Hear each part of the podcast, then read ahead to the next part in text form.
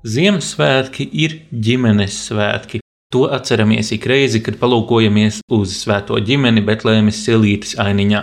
Arī laicīgajā sabiedrībā Ziemassvētki ir laiks sanākt kopā ar tuviniekiem, tādējādi apliecinot dzīvības cerības uzvaru pār tumsu un augstumu. Šogad, protams, iespējas pulcēties mājās un baznīcās ir būtiski ierobežotas, pat liektas, bet ne visās mājās priecīgo Ziemassvētku iztrūkums ir kaut kas jauns un nepieredzēts. Nabadzība un vientulība nav sveša tik daudzās mājās Latvijā. Kā ierasts, decembrī raidījumā savienots pievēršamies tiem, kas ir grūtībās, un uz sarunu aicinām tos, kas cenšas viņiem palīdzēt. Ar jums kopā ir Augusts Kolms un raidījums Savienots. Esi savienots ar mums, Radio Marija raidījumā Savienots. Raidījums sadarbībā ar Kristīgo portālu Tuvumā.CLV. Uzklausām, vērtējam, izpētām un iesakām Trešdienās, pulksten 5. pēcpusdienā. Es esmu savienots!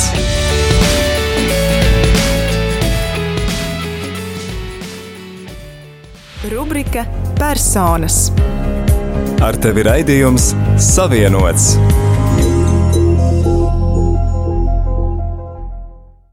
Raidījumā savienots viesojas Anete Ankmane no daudzfunkcionālā dienas centra Dzīvības aka. Ievērojot valstī noteiktos ierobežojumus, šī saruna notika attālināti. Pastāstiet dažos vārdos, ko jūs darāt, kas ir jūsu darbs, kāda ir jūsu loma Diekonijas centrā. Es strādāju Latvijas Evanģēlas Lutriskās baznīcas diakonijas centrā, nu pat, nu pat jauna atvērtā daudzfunkcionālajā dienas centrā bērniem, viņu ģimenēm un arī pieaugušajiem, kas atrodas Bolderājā. Un tas, ar ko mēs ikdienā nodarbojamies, ir mēs sniedzam palīdzību gan bērniem, mācībās, sociālo prasmju pilnveidē un dažādās citās lietās, kā nu vien spējam viņiem kādu līdzēt. Arī cenšamies atbalstīt viņu vecākus un Atbalstam arī pieaugušas personas, kuri nāk uz dienas centru, lai saņemtu dažāda veida atbalstu, gan psiholoģisku, gan vienkārši sarunas, gan arī mācībās. Pieaugušajiem darām visu, ko nu vien varam, lai palīdzētu. Ar to es nodarbojos ikdienā. Jūsu struktūra vienība šobrīd ir, tātad tas neiedzim nosaukuma sirdsgaisma. Nē, mana šī brīža struktūra vienība ir daudzfunkcionālais dienas centrs dzīvības aka. Jo internetā arī uz jūsu vārdu vienmēr ārā sirdsgaisma, un tāpēc es gribēju precizēt par šo saistību. Jā, jo es nu pat tās tikai esmu apmainījusi struktūru vienības, nu pat, nu pat šo mēnesi. Tāpēc, jā, šobrīd man ir ah, dzīvības sāka. Sirdsgaisma ir Ziepnieka kalnā.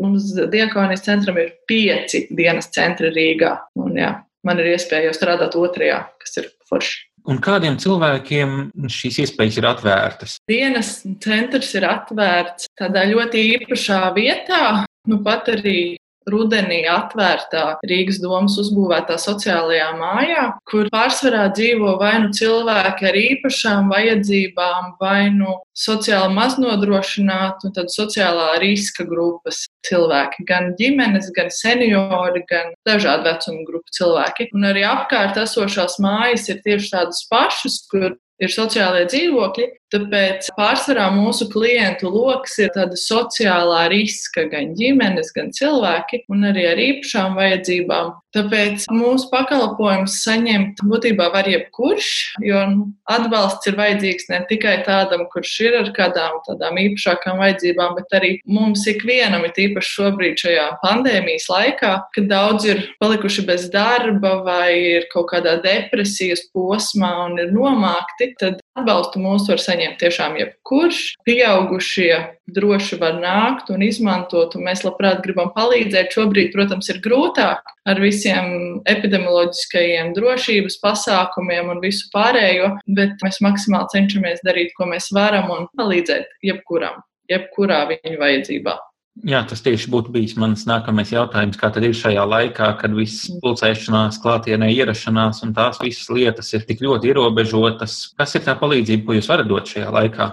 Arī tas interesantais un īpašais varbūt ir bijis, ka dienas centrs atvērās tieši, tieši tajā laikā, kad visu sāk ierobežot, kad sāk ierobežot gan klātienes pasākumus, gan palīdzības sniegšanas un visu pārējo. Tāpēc ļoti grūti par dienas centru sākumā kādam bija uzzināt, jo nu, neko jau īsti nedrīkstēja darīt klātienē, bet nu, kaut ko jau drīkstēja. Tāpēc pēdējos divus mēnešus mēs piedāvājām cilvēkiem vienkārši nākt pieaugušajiem. Viņi varēja izmantot datorus, un viņi varēja nākt vienkārši spēlēt spēles paši vai savas maisaimniecības ietvaros. Viņi varēja nākt, mazgāt veļu, izmantot dušas pakalpojumus. Arī, ja bija kāda krīzes situācija, sarunāt ar psihologu konsultāciju. Bērni arī nāca visu laiku, bērni nāca mācījās, it īpaši tagad, kad nāca semestra beigas. Bērni saņēma pedagoģu konsultācijas, arī psihologa un pavadīja to laiku maksimāli cik nu viņi varēja, bet nu, tagad tā situācija ir kļuvusi tāda mazliet saspringtāka valstī, tāpēc mēs esam arvien vairāk ierobežoti, un tad, nu, tagad mēs pārsvarā pārējām uz darbu attālināti. Bērni varēs attālināt, saņemt konsultācijas, arī pieaugušie attālināti varēs parunāties, saņemt psihologa, pedagoga, sociālā darbinieka konsultācijas par šiem cilvēkiem riska grupās šajā laikā, kad viņiem ir grūtāk saņemt šo palīdzību un kad viņi jau vēl vairāk ir norobežoti no sabiedrības, cik viegli viņi to panes. Piemēram, dažkārt no visu šo, dažkārt tiešām varbūt, jā, varbūt arī pārmērīgi stingro ierobežojumu pretiniekiem dažkārt dzird, ka, piemēram, ir dziļāka depresija cilvēkiem, ir vairāk pašnāvību un ka arī šis būtu apstākļos, kas jāņem vērā, izsverot šīs sabiedrības veselības intereses. Jūs kā cilvēks iekšā šajā procesa sirdī, kā jūs to redzat? Mēs redzam ar vien vairāk noskumušus cilvēkus, ar vien vairāk ir tīpaši seniorus, kuri jau tā ikdienā ir diezgan vientuļi, bet tagad, kad viņiem aizliedz šo kopā būšanas brīdi, tad mēs tiešām redzam daudz noskumušus cilvēkus, daudz tādus jau uz depresijas pusi cilvēkus, kuriem ir grūti, un tad arī ļoti daudzi cīnās, tā kā iekšēji cīnās pretī tam, kas notiek valstī. Ar ļoti daudziem mums ir diskusijas par to, kāpēc jāvelkā maskas un vai tas tiešām palīdz un vai tās visas vīrusu lietas ir īstas. Mums ir daudz tādu interesantu diskusiju, bet bērni, ja mēs skatāmies uz bērniem, viņi īsti to tā neizjūt, un viņi tā mēģina saprast, kāpēc ir tā, kā ir. Bet ar bērniem ir vienkāršāk, bet pieaugušie viņiem ir grūti. Varbūt tāda vidēja gada gājuma. Viņi nāk pie mums un viņi saņem tos pakalpojumus, kurus nu var, bet tie, kas ir tādi vecāki, Viņiem pirmkārt daudzi baidās iziet no mājām, un ja viņi baidās iziet no mājām, mums ir grūti viņiem kaut kā palīdzēt, jo arī ar viņiem sazvanīties ir diezgan grūti, bet viņiem ir vajadzīgs atbalsts. Tāpēc mēs ļoti mēģinām iesaistīt mūsu psihologu, lai mūsu psihologs var ar viņiem runāt. Un mums ir arī bijuši tādi klienti, kas atnāk. Viņi īpaši saka, ka šajā pandēmijas laikā viņiem vajag psihologa atbalstu, jo viņiem ir psiholoģiski grūti ar to, ka viņi nevar iziet, viņi nevar parunāt, un viņiem nav darba. Viņi tiešām cīnās ar sevi paši un cīnās ar vīrusu un ar to visu, kas notiek valstī. Cīņas mēs redzam lielas ikdienā sev apkārt. Un kas būtu tā palīdzība, ko viņi cer saņemt no psihologa? Kur parādās tas, ka ir vajadzīgs tieši šis profesionāļa ieskāriens veselē? Kas psihologam ir tāds, kas var būt draugu kompānijai vai cilvēkiem no draudzes vai kā, ko tajā saņemt nevar?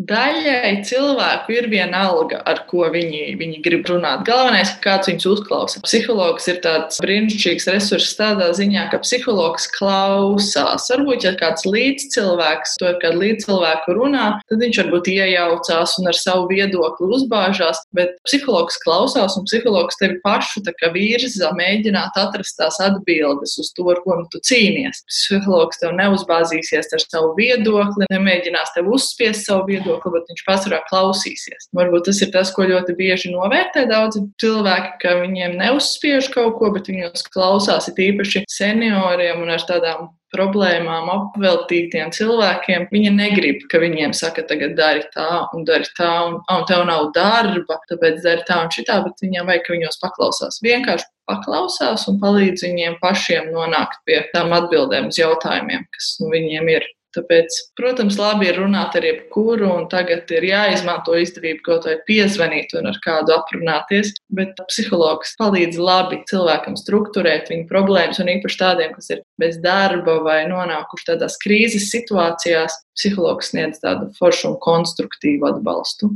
Jūs sacījāt, ka bērni šo laiku pārdzīvo mazliet vieglāk. Kā jums liekas, vai tas ir tādēļ, ka bērni apzinās, ka viņi nav gluži riska grupa tam visam, vai tādēļ, ka viņi pilnīgi neapzinās, kas īsti notiek? Tur ir tādi divu grupu bērni. Ir tādi, kas ir tādi ļoti gudri un tādi izzinoši, kur domā, ka viņi visu saprot. Nu, viņi arī saprot, bērni tiešām daudz ko saprot. Tādi vecāki jau bērni, kuriem ir kaut 10, 11 un uz augšu gadi, viņi saprot, viņi mēģina iedziļināties, jo viņiem gribās justies vienlīdzīgiem ar pieaugušajiem un būt tādiem spējīgiem diskutēt. Bet ir arī tādi jaunāki bērni, kādi bērni ar kādiem mācīšanās traucējumiem. Un, nu, viņi īsti neuztver un varbūt nesaprot, kas apkārt notiek. Viņi saprot, ka viņiem varbūt liek ievērot distanci, bet viņiem negribās ievērot. Vienīgais, kā viņi jūtās ierobežotāk, ir, ka mēs viņiem liekam ievērot distanci. Viņiem gribās spēlēties, bet viņiem liek distancēties. Un tas viņiem varbūt ir grūtāk. Bet nu, tā psiholoģiski es teiktu, bērni diezgan viegli to pārdzīvo, jo nu, viņi vienalga var runāties un viņi var komunicēt un viņi prot tehnoloģijas, tāpēc viņi var sasniegt sazvanīties video zvanos un tādās lietās. Un tāpēc tādā ziņā viņi vieglāk to iztur nekā seniori, kuriem nav to tehnoloģiju un kuri nevar sazināties. Šāds atbalsta centrs, ja tas ir Lutriskās baznīcas diakonijas centra projekts, tad kas to dara atšķirīgu no kāda laicīga, sekulāra atbalsta pasākuma, varbūt kāda valsts sociālā vai pašvaldības sociālā projekta, ir jums sadarbība ar pašvaldību, kur parādās šis baznīcas efekts? Mums ir tā brīnišķīgā dāvana, ka mēs savā dienas centrā esam atļauti runāt par Dievu, mēs esam atļauti bērniem mācīt par to, mēs esam atļauti lūgt un pirms ēdienu reizes mācīt bērnus pateikties par ēdienu. Un ļoti bieži mēs arī satiekamies ar citu dienas centru bērniem, kas ir pašvaldības dienas centru bērni, un mēs tik ļoti labi varam redzēt, kuri bērni ir mūsu diekonijas dienas centru bērni un kuri ir pārējie. Jo tas ir kādu kādu mīlestību, ar, ar kādu Kristus mīlestību strādā mūsu darbinieki, cik ļoti viņi kalpo. Mēs esam apveltīti ar to dāvanu, ka mēs varam kalpot, un tas ir mūsu darbs, mūsu apmaksātais darbs. Mēs katru dienu Dievam par to esam pateicīgi, ka mēs varam lūgt, ka mēs varam mācīt bērniem lūgt, ka mēs varam runāt par Dievu, par Bībeli, Bībeles stāstus, un to tik ļoti var redzēt, kā bērnos tas viss attīstās un cik ļoti viņi mainās un cik ļoti viņi empātiskāki kļūst un cik ļoti vairāk viņi saprot, kas notiek pasaulē. Tāpēc ir tik ļoti vieglāk arī atpazīt mūsu dienas centru bērnus no citiem, jo viņos ir tā mīlestība, kuru viņos ieliek darbinieki caur to, ko viņi saņem no dieva. Un tā ir tāda fantastiska atšķirība. Ja mēs domājam par diakoniju kā par tādu kalpošanu, kas vienlīdz ņem vērā gan cilvēka garīgās, gan uh, materiālās vajadzības, jūsuprāt, cik jēgpilni ir iespējams vispār nošķirt, kas ir cilvēka garīgā vajadzība un kas ir viņa praktiskā vai materiālā vajadzība? Vai tur ir iespējams novilkt kādu šādu līniju, vai tas ir vienots veselums, ko ir bezjēdzīgi dalīt? Nu, es teiktu, ka mēs mūsu darbā nedalām to, kas viņiem ir garīgi vajadzīgs un kas viņiem ir materiāli vajadzīgs. Nu, pie mums uz dienas centra, piemēram, kā pie diakonijas darbiniekiem dienas centrā nāk pārsvarā klienti, kam ir vajadzīgas kaut kādas materiālas lietas. Vai tas ir pārtika, vai tas ir apģērbs, duša vai pilnīgi jebkas. Tāpēc viņi nāk pie mums, lai saņemtu tās materiālās vajadzības. Bet tas, kur ir tas mūsu plusiņš, ir tas, ka mēs sniedzot viņiem materiālo palīdzību, varam apmierināt arī viņu garīgās vajadzības. Ka tas ir tāds tā kā kopā nākošs plusiņš, ka Viņi nāk pēc viena, bet viņi saņem arī citu. Tāpēc es teiktu, ka diakonijas darbinieku uzdevums būtu nedalīt tās lietas, bet sniegt to visu kopumā. Dažkārt cilvēki, sacīsim, ārpus baznīcas, tā skeptiski skatās uz to, ka šai nepārprotami praktiski noderīgajai palīdzībai nāk komplektā arī kaut kāds, jā, nu kāds pasaules redzējums, teiksim tā. Kā jūs attaisnojat šādu baznīcas rīcību? Varbūt jūs varat vēlreiz atkārtot jautājumu. Jautājums ir par to, ka, nu, ka cilvēks nāk, kā jūs sakāt, viņš nāk pēc vienas lietas, bet viņš saņem līdzās šai vienalga, vai tā būtu psihologa konsultācija, vai cita vieta, varbūt tā ir pārtikas paka, vai kas pavisam taustāms, ko ielikt somā. Bet tam līdzi nāk arī, nu, jā, Bībele, Jēzus, Dievs. Un nu, ir mūsu sabiedrībā mhm. cilvēki, kuri tā saka, nu, tas tā, vai tā ir labi pielikt tai materiālai palīdzībai klāt arī kaut ko garīgu, ko cilvēks varbūt nemaz nav meklējis. Es domāju, ka mēs eh, sabiedrībā esam ieguvēji no lietām, kuras mums dod. Un ir daudzi cilvēki, kas pirmajā brīdī nenovērtē to. Bērni varbūt īsti nesaprot, ka viņi nāk uz dienas centru un viņiem dod to garīgo, jo viņiem vēl nav tās savas dzīves pieredzes. Tāpēc bērni nu, brīnišķīgi uzņem tās visas garīgās lietas, un tas viņus maina diezgan acīm redzami. Bet, kad atnāk tāds pieredzējis gada gājuma jau cilvēks, varbūt sākumā ir tādi, kas ļoti skeptiski kritiski un ļoti negatīvi izsakās pret to, ka viņam tagad darbinieks nāk un lasa svētos rakstus, lasa Bībeli, bet Tas ir tāds arī darbinieku izaicinājums, nenobīties no tā, ka tu dod to fizisko, praktisko palīdzību, un tu gribi arī iedot to garīgo atbalstu, un cilvēks ar tādu negatīvismu nāk tev pretī. Tāpēc darbinieki turpina kaut vai pa tādai pilītei pilināt un pilināt tā lēnām, lai spētu pēc kāda laiciņa, lai tas cilvēks varbūt saprot, ka viņam tas tomēr palīdzēja. Viņš saprot, ka tas garīgais, tas Dieva vārds ir kaut kas, pie kā pieķerties, ir tīpaši tagad, kad ir tik nenormāli grūti tik daudziem. Izejot no šī, es gribētu jautāt, sludinot par, nu jā, par kristīgo ticību, sludinot evaņģēliju, cik liela nozīme ir šai, nu jā, te nākas mazliet to dalīt, šai praktiskai kalpošanai, līdzās būšanai, un cik ļoti ir jābūt no šim pasludinājumam vārdos. Piemēram, ir dažkārt ir populāra tā doma, ko ir sacījis svētais Asīs Francisks, man šķiet, par to, ka no sludini, un, ja nepieciešams, tad arī lieto vārdus. Un tad otrā pusē atkal ir šī daļa, kas saka, nu, par nabagajiem jau var parūpēties arī, nu, jebkura sekulāra labdarība, bet pasludināt Dieva vārdu var tikai baznīca. Tad baznīcai būtu jāliek visi savi resursi tajā virzienā, ko atkal neviens cits nedara. Starp šiem diviem, nu, jā, šiem diviem poliem, šiem divām galējībām, kur jūs redzat savu darbu? Es teiktu, ka Jēzus bija brīnišķīgs paraugs šajā lietā, jo viņš gāja, viņš gāja un palīdzēja, viņš gāja un dziedināja un pabaroja tautas no daudzus, un daudz pat taču nezināja, ka viņš ir Jēzus, un daudz vienkārši saņēma to palīdzību, kuru viņš sniedza, bet pēc tam tas tik daudzos atmodināja to garīgo, jo viņi vienkārši bija saņēmuši to Jēzus palīdzību, mīlestību un uzmanību. Tāpēc arī tajā mūsu darbā tas ir tik svarīgi, ka mēs ar savu sirdi atvērto, jā, ar to sirdsgaismas pieskārienu, ka mēs ejam pie tiem cilvēkiem. Jo, jā, protams, visas sekulārās palīdzības organizācijas spēj sniegt palīdzību, bet es teiktu, mūsu darbinieki ir tiešām apveltīti ar tādu brīnišķīgi gaišām sirdīm, kas cilvēkiem caur to palīdzības praktisko sniegšanu arī parāda to, ka šī nav tikai palīdzība, ka šis ir kaut kas vairāk tas ir kaut kas tāds, nu, ko mēs īsti nevaram ne sadalīt, ne nošķirt. Tas vienkārši nāk kopā, un mēs varam tikai svētīt, un svētīt, un bagātīgi svētīt. Un tāda ļoti interesanta lieta ir, ka vienu no diakonijas dienas centriem sauc sirds gaisma. Tāpēc to sirds gaišumu mēs tajā palīdzībā varam tikai nest un nest un nest un nest.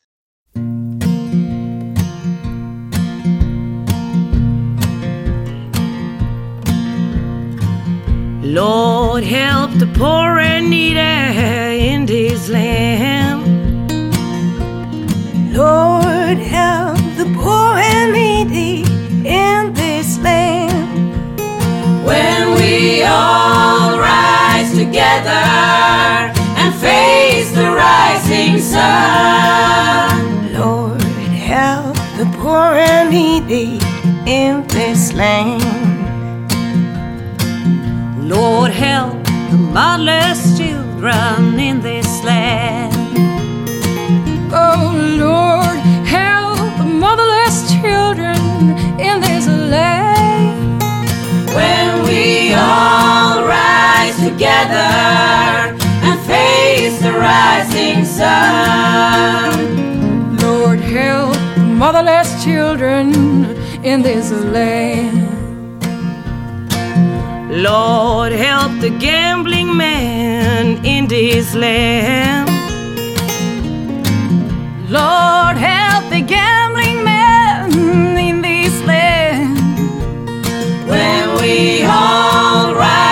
together and face the rising sun. Lord, help the gambling man in this land. Lord, give us more love in this land. Lord, give us more love in this land. When we all rise together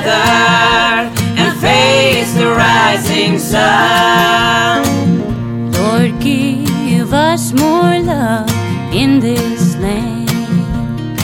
I say, in this land, in this land, in this land, in this land, in this land, in this land, in this land,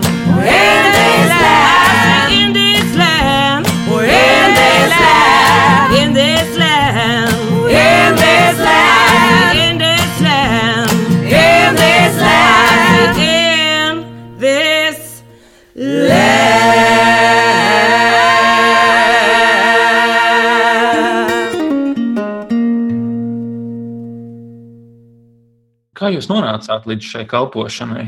Kalpošana ir viena no manām mīļākajām personīgi lietām dzīvē. Tādi uzticīgākie radiokamā arī klausītāji jau manu kalpošanas stāstu kaut kad iepriekš ir noteikti sadzirdējuši. Es pirms kāda laika biju Āfrikā un es kalpoju cilvēkiem Āfrikā, un tāpēc es biju ļoti iekšā kalpošanā, un es ļoti priecājos par to iespēju, kad es varēju uzsākt kalpot tepat Latvijā. Neaizbraucot daudzus tūkstošus kilometru no savas valsts, bet tepat uz vietas palīdzēt tiem un atbalstīt tos, kam tā palīdzība ir vajadzīga. Jā, tāpēc kalpošana ir tāda svarīga lieta mums katram, kas arī mūsu pašus garīgi pilnveido. Un tāpēc šobrīd esot Diekonijā, ja es iepriekš strādāju vienā citā diakonijas dienas centrā, kur sauc sirdsgaismu, un tad es varēju nest savu sirds gaišumu tur.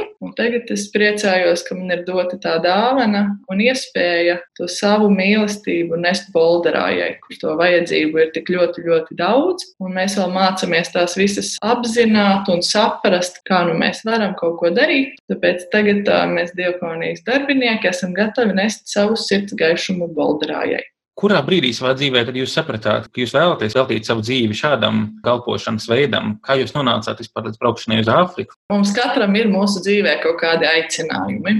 Un Dievs man vilka uz kalpošanu jau nu, kopš, kopš man bija vēl 11 gadu. Un es darīju kaut kādas mazas lietiņas sākumā, tur varbūt ne tik mazas, bet nu, palīdzēju tur dzīvnieciņiem, tur centos tur savākt kādus pārtikas ziedojumus, lai palīdzētu trūcīgajām ģimenēm un vai kādiem vientuļiem senioriem. Un paticis vienmēr ir iet pie vientuļiem senioriem un vienkārši parunāties. Un tad tas laiks gāja, un es pabeidzu vidusskolu, un es sajūtu aicinājumu darīt kaut ko lielāku, un tad es uz kādu laiku aizbraucu kalpot Āfrikā. Un tur es arvien vairāk un vairāk sapratu, ka kalpošana un sociālais darbs tā ir mana dzīves joma. Tas ir kaut kas tāds, ar ko es gribu saistīt savu dzīvi. Jo tāpat kā arī misionāriem ir aicinājumi doties misijā visu viņu dzīvi, vai vismaz kādu dzīves posmu, tad nu, es sapratu, ka mana joma ir sociālā. Un ka ar to, kas man ir, to, ko es esmu piedzīvojis un pieredzējis, ka es varu palīdzēt gan bērniem,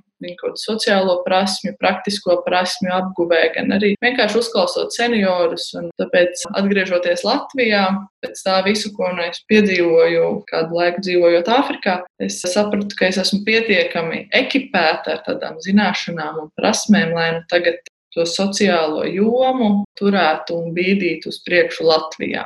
Mani Āfrikas stāsti ir gari stāsti, tajos es noteikti vairs neiedziļināšos, bet jā, tas man noteikti palīdzēja saprast, kas ir sociālā joma un ka tas ir mans lauciņš. No Jēzus vārdiem par to, ka nabagie vienmēr mums būs līdzās, mēs tā varam noprast, ka šīs lielās sociālās problēmas šajā pasaulē droši vien nav atrisināmas. Kur jūs ņemat šo stiprumu un motivāciju tomēr iet katru dienu, palīdzēt kaut nedaudz šiem cilvēkiem, kuriem ir grūti? Jebkurš cilvēks, man liekas, mēs esam vienādi. Vienalga, cik mums ir naudas, makā vai kādas drēbes mums ir mugurā. Un es tik ļoti bieži pārliecinos par to, cik visi cilvēki ir fantastiski, cik mūsu katru dievs ir radījis unikālu. Viens no maniem tādiem mīļākajiem pēdējā laika projektiņiem, kur iesaistīties, ir siltā ēdienu izdales vietas Rīgā, kuras ir vairākas daudzos mikrorajonos, un arī mums diakonijas centram šādas virtuves ir, kur katru darba dienu trūcīgie un maznodrošinātie var nākt un saņemt siltas un garšīgas pusdienas. Un es ļoti, ļoti izbaudu katru to mirkli, un tas mirklis, kamēr mēs ar to trūcīgo palīdzības saņēmēju satiekamies, ir īss. Nu, praktiski tieši tik īss, cik paņemt viņa trauciņu, ielikt viņam ēdienu un pārmīt dažus vārdus. Pie mums nāk dažādi cilvēki. Pie mums nāk nu, tiešām brīžam ļoti, ļoti trūcīgi, nu galēji trūcīgi cilvēki. Un tas, cik ļoti siltas sarunas mums ir un cik ļoti viņi novērtē to, ko mēs viņiem darām, un cik ļoti viņi novērtē to, ar kādu laipnību un mīlestību mēs ar viņiem sarunājamies, tas man katru dienu atkal iedod tādu jaunu spēku, iet un darīt, un turpināt, un gribēt darīt vēl vairāk. Jo, ja es caur tādu mazu lietu, kā vienkārši nu, pusminūti iedot cilvēkam ēdienu un pārmīt ar viņu divus teikumus, viņam tas nozīmē tik daudz, un uh, tas ir tas, kas man palīdz iet uz priekšu un kas man palīdz gribēt turpināt. Ka es redzu, cik daudz ar tādām vienkāršām lietām es varu izdarīt un arī cik daudz izmainīt. Jo ir tādi klienti, kas ir nākuši sākumā pēc ēdiena, viņi ir bijuši dusmīgi un neapmierināti, un viņiem viss ir bijis slikti un negatīvi, bet tad viņiem no dienas uz dienu pie mums nākot un ar tām frāzēm, kā jums iet, kā ar veselību, viņi saprot, ka jā, šiem cilvēkiem es interesēju un ka visiem nav viena alga. Tur es tiešām saprotu, ka tās darbiņš, kur mēs darām, ir svētīgs, un tas ir jāturpina. Un tas tik daudz ko dod mums arī pašiem. Mēs tagad esam ļoti tuvu Ziemassvētku dienai. Šis raidījums skan tiešām dažas dienas pirms. Un es gribētu jautāt, ar ko saistās Ziemassvētki šajās aprindās, jā, pie šiem cilvēkiem, kam ir grūtāk ja ikdienā pasaulē arī neobligāti ticīgu cilvēku vidū Ziemassvētki vismaz pārsvarā ir nu, ģimenes svētki vai kas tāds, tad cilvēki, kuriem ar to ģimenes dzīvi nav varbūt tik ļoti viegli, vai viņi vienkārši ir vieni paši, kā viņi piedzīvo šo laiku. Vai ir kāds īpašs pieprasījums no viņiem šajā laikā pēc kaut kāda siltuma, mīļuma, kādas konkrētas palīdzības? Jā, Ziemassvētki ir īpašs laiks, un jā, kā jau izskanēja, Ziemassvētki ir tāds ģimenes laiks. Un tā kā man ir iespēja strādāt gan ar bērniem, ikdienā, gan ar pieaugušiem, tad es redzu tās atšķirības, kā bērni uztver Ziemassvētku laiku un kā pieaugušie. Un bērniem ir tā, ka man brīžam lūst sirds, nu tā redzot un saprotot, kāda man ir bijusi bērnība, ka man bērnībā ir bijušas Ziemassvētkos dāvanas, un es esmu ar vecākiem sēdējis pie Ziemassvētku mīlestības galda katru Ziemassvētkus. Bet šie bērni saprot, ka vecākiem nav līdzekļu, lai Ziemassvētkos paliktu dāvanas zem eglītes, ja viņiem vispār ir eglīte mājās. Ka vecākiem nav naudiņas, lai sagatavotu īpašāku Ziemassvētku mīlestību. Dažiem no viņiem varbūt mājās nav vispār siltuma, lai mājās būtu silti un būtu iespējas svinēt šos skaistos svētkus. Tie ir tie sāpīgie brīži, kad tu saproti, ka tiem bērniem tik daudz kā nav. Tāpēc mēs savos dienas centros mēģinām viņiem iedot pirms Ziemassvētkiem vēl tos skaistos mirkļus, kad mēs saliekam dāvanas zem eglītes, kuras pateicoties atbalstītājiem un ziedotājiem mēs esam varējuši sarūpēt laikā, kas nav šogad, mēs mēģinam arī sarūpēt Ziemassvētku mīlestību bērniem dienas centrā. Un tas ir tāds, lai vismaz kaut kur viņi sajustu to īpašo Ziemassvētku mīlumu un mīlestību. Pieaugušajiem tas ir citādāk. Viņi arī šobrīd, kad pie mums nāk, viņi visi mums vēl priecīgus svētkus un tā.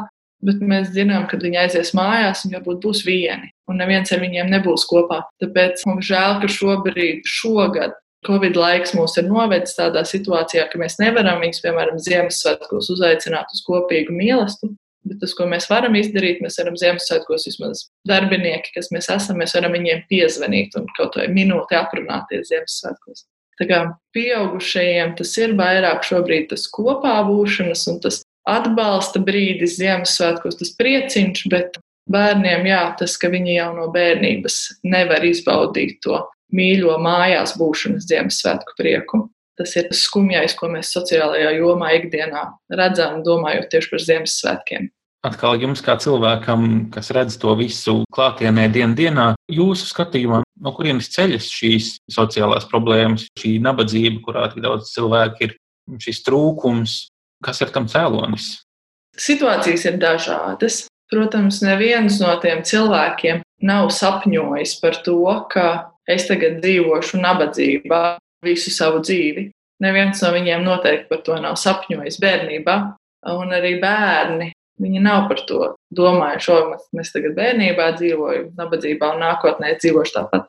Ir grūti īstenībā brīžam pateikt, kas ir tas cēlonis. Nu, protams, ir ļoti daudz cilvēku, kas tajā vietā, kur viņi ir, ir nonākuši bezdarba dēļ, jo viņiem vienkārši nav darba. Ir ļoti daudz, kas mūs ikdienā apmeklē, kuri grib strādāt, kur tiešām grib strādāt, bet viņiem nav kur. Viņi ir nonākuši tajā krīzes situācijā, ka viņiem arī nav ko ēst. Un situācijas ir dažādas. Un seniori, kuri ir visu dzīvi strādājuši, viņi 60 gadus un vairāk ir strādājuši, bet viņi saņem pensiju, piemēram, 120 eiro. Tas ir tāds, kas viņus novada tajā nabadzības punktā, ka viņiem nav un viņiem ir jāmeklē palīdzība. Jā, protams, ir arī tāda sabiedrības grupa, kur izvēlās nestrādāt, kur izvēlās dzīvot no sociālajiem pabalstiem, bet tāda, es teiktu, no tiem, ar kuriem mēs strādājam, ir ļoti maza sauģiņa. Pārsvarā ir cilvēki, kurus mūsu valstiskie apstākļi un bezdarbs, kas viņus ir novedis līdz tādam punktam. Bet mēs strādājam ar ļoti maz tādiem, kuri negrib no tā tikt ārā. Tā, ir tāda labā lieta, ka viņi grib strādāt un viņi grib no tās skumjās vietas, kur viņi ir, viņi grib tikt ārā.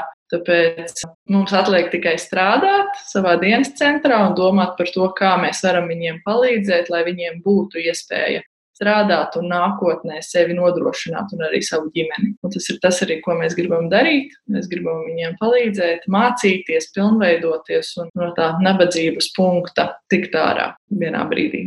Nu jā, jūs sacījāt, ka šie cilvēki, viņi tā tad vairums tomēr grib tiešām savest savu dzīvi kārtībā. Kas būtu tās iespējas, varbūt, jā, nu, teiksim, mums, pārējiem sabiedrībai palīdzēt, lai šie cilvēki varētu piepildīt šo savu vēlēšanos? Vienalga, vai tie būtu pieaugušie vai seniori, varbūt tie bērni, kur skatās cerīgām acīm uz gaišāku nākotni. Kas ir tā palīdzība, ko mēs varam viņiem dot? Ļoti daudz kas ir atkarīgs no tās viņu izglītotības un no tā, cik daudz informācijas ir pieejams par, piemēram, darba iespējām. Jo daudz kas ir atkarīgs no tā, vai viņi būs kur strādāt.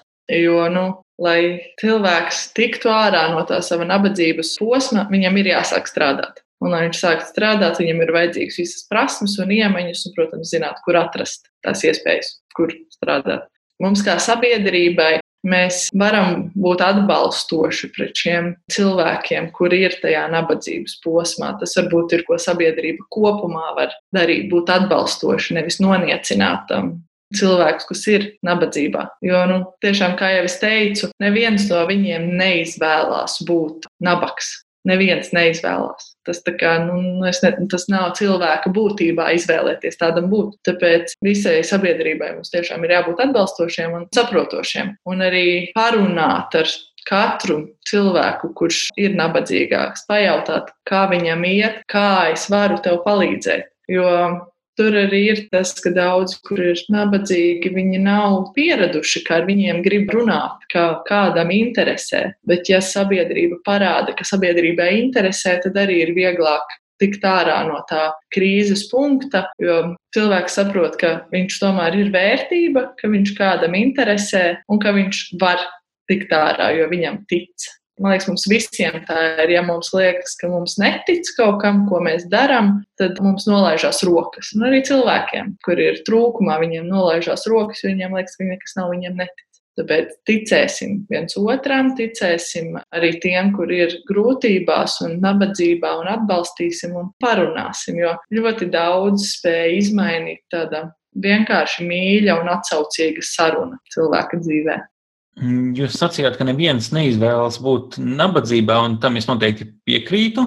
Vienlaikus tomēr ir šie cilvēki, kas izdara izvēles, kas viņus noved nabadzībā. Un šeit jā, mēs varam runāt arī par lielākām, varbūt sistēmiskām problēmām. Man pirms kādiem mēnešiem gadījās nostaigāt tādu garu gabalu cauri ķengaragam, un tad nu, tur ik pa simts metriem ir tāda trijotne spēļu zāle, lombards un uh, alkoholisko dzērienu veikals. Nu, un tādas kombinācijas nu, uz katra, tiešām katrā krustojumā tur neglābjam. Tas, protams, noved pie tā, ka cilvēks ir kārdināts iet vienā no šīm trim vietām, un tad nu, tas izveidojas cikls, kas pats sevi baro un dzemdo cilvēku dziļāk postā. Tādēļ es gribētu jautāt, kas būtu tam lietām, kam būtu jāmainās. Nu, labi, ir viens, ko valsts politika, un tajā līmenī tiek meklēti varbūt kādi risinājumi, bet mums kā sabiedrībai, ko mēs varētu darīt, vai kā katrs individuāli, ko mēs varētu darīt, lai mēģinātu salauzt šo ciklu?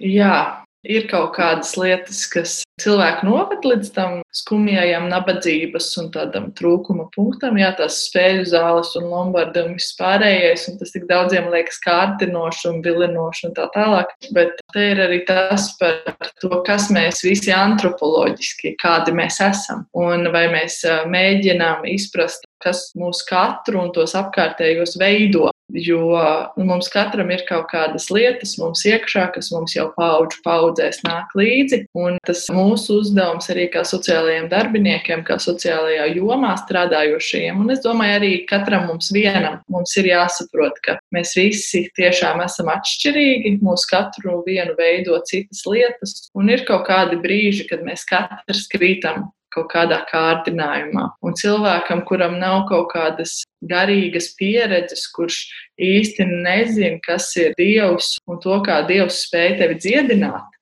ja cilvēkam nav šādu zināšanu, viņš nezina, kā no tās lielās krīzes tikt ārā un kā cīnīties ar to lielo grēku viņā. Tāpēc mums, kā kristiešiem, nu īpaši ir tie Jēzus vārdi, ejiet un dariet par mācekļiem visas tautas un sludiniet Jēzus vārdi. Ja, tas ir mūsu uzdevums, kas mums ir jādara, lai cilvēks, kurš ir iekritis tajā spēļu zālē uz ilgu laiku, vai nezinu, bārā vai kaut kur, lai nu, viņš saprastu, ka es no tā visa varu tikt ārā un ka man var palīdzēt. Bet, nu, ja viņš nezina, viņš turpina pa dzīvi kulties un nesaprast, kā nu, tikt no turienes ārā.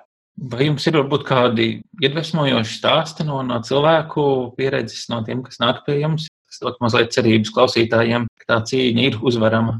Es ar pieaugušajiem sociālajā jomā tagad strādāju nu, pavisam, pavisam īsu laiku. Bolderājā, bet iepriekš es strādāju tikai ar bērniem. Dienas centrā sirdsgaisma. Man nav varbūt tādu iedvesmojošu stāstu, kā tur pie darba ir tikuši pieauguši un kā viņi ir mainījušies, bet man ir daudz stāstu par to, kā bērni ir mainījušies un kā caur to, ka viņi mainās, viņi mēģina arī mudināt savus vecākus. Mums bija klientu pulkā ģimenīte, kurā ir ļoti daudz bērnu. Viņi ir seši vai septiņi bērni. Un viņi, kad sāka apmeklēt mūsu dienas centru, viņiem nebija vispār nekādu prasmju, ne sociālo, tur, tur sarunāšanās ziņā, ne praktisko pašaprūpes prasmju. Un mēs visu viņiem, tur tādiem 7, 8, 9, 10 gadīgiem bērniem, sākām mācīt no nulles. Mēs sākām mācīt runāt un komunicēt un pie galda ēst un apģērbties un ko nozīmē uzvilkt tīras drēbes un nomazgāties. Un mēs mēģinājām saprast, kāpēc tie bērni tādi ir. Un tad mēs iepazināmies ar viņu vecākiem. Un tad mēs sapratām, nu, ka bērnos daudz kas nāk no vecākiem, un arī vecāki varbūt nav bijuši tik izglītoti, un viņi nav saņēmuši tādu atbalstu bērnībā, tāpēc viņi arī vēl joprojām ir tur, kur viņi ir, jo viņi nav saņēmuši zināšanas, atbalstu, sapratni. Un jā, mēs strādājām ar bērniem, mēs strādājām ar bērniem gadu, mēs strādājām ar bērniem divus gadus, tad nu, pēc jau diviem gadiem mēs sākām redzēt, jā, ka bērni saprot, bērni saprot, ko nozīmē kārtīgi ēst pie galda, uzvilkt tīras drēbes, ka ir jā jāmācās, ka tiešām ir jāmācās, lai es nākotnē kaut ko sasniegtu. Jo daudziem no viņiem brīžiem liekas, nu, priekš kam man jāmācās, man tāpat nevajag. Un tad, kad tu redz, ka bērns saprot, ka ir jāmācās, un ka bērns atnāk kopā ar mammu uz dienas centru, un ka viņš stāsta mammai, mamma dari tā un dari šitā, tas būs smukāk un pieklājīgāk. Un ka tu saproti, ka, jā, ka ja tu arī ieguldi bērnā, ka arī bērns var pēc tam palīdzēt savam vecākam. Un tas arī ir svarīgi un būtiski ieguldīt bērnos, lai bērni pēc tam ieguldītu savos vecākos. Jo nu, es zinu, ka šie bērni tagad nepazudīs, ka viņi būs stipri un ka tā sēkliņa, ko mēs viņu sirdīs esam iesējuši, ka tā augs. Un ka tas arī palīdzēs viņiem cīņā ar to, kas nu, viņu mammas dzīvē nāk priekšā, un ka viņi tiks no tās vietas ārā. Jo tā sēkliņa ir iesēta un tā auga tiešām par lielu un spēcīgu koku. Un par to mēs tiešām priecājamies. Tad es sacīšu, paldies, ka atradāt laiku šādai sarunai. Paldies! Jūs dzirdējāt sarunu ar Aneti Ankmani no Latvijas evaņģēliskās Lutheriskās baznīcas diakonijas daudzfunkcionālā dienas centra dzīvības aka.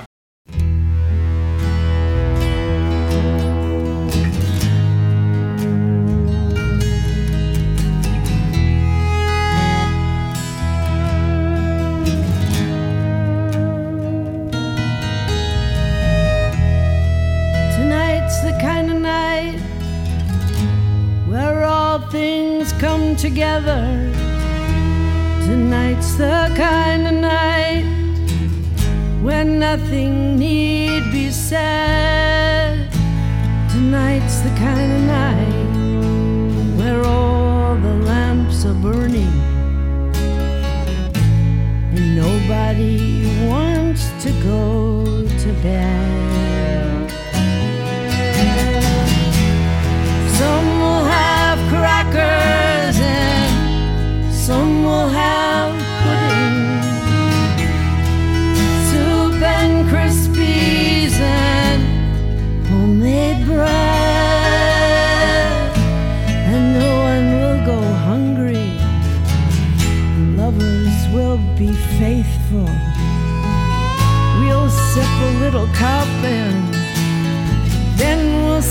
Another.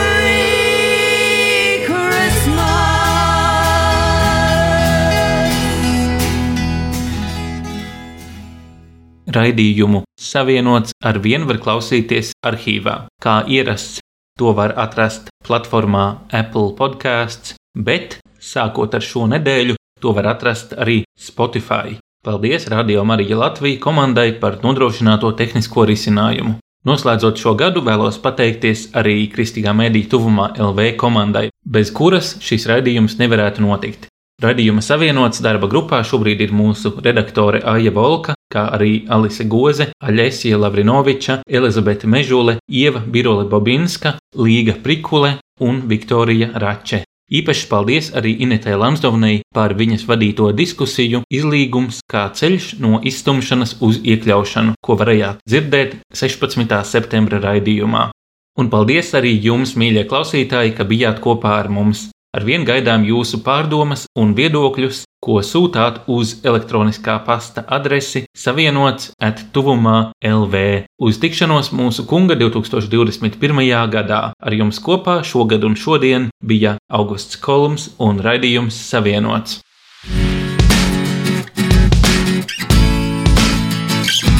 Tu klausījies raidījumu Savienots. Būsim atkal ēterā trešdien, pulksten piecos pēcpusdienā. Klausies mūsu radio Marija un lasi kristīgo portālu tuvumā.lv. Esi savienots!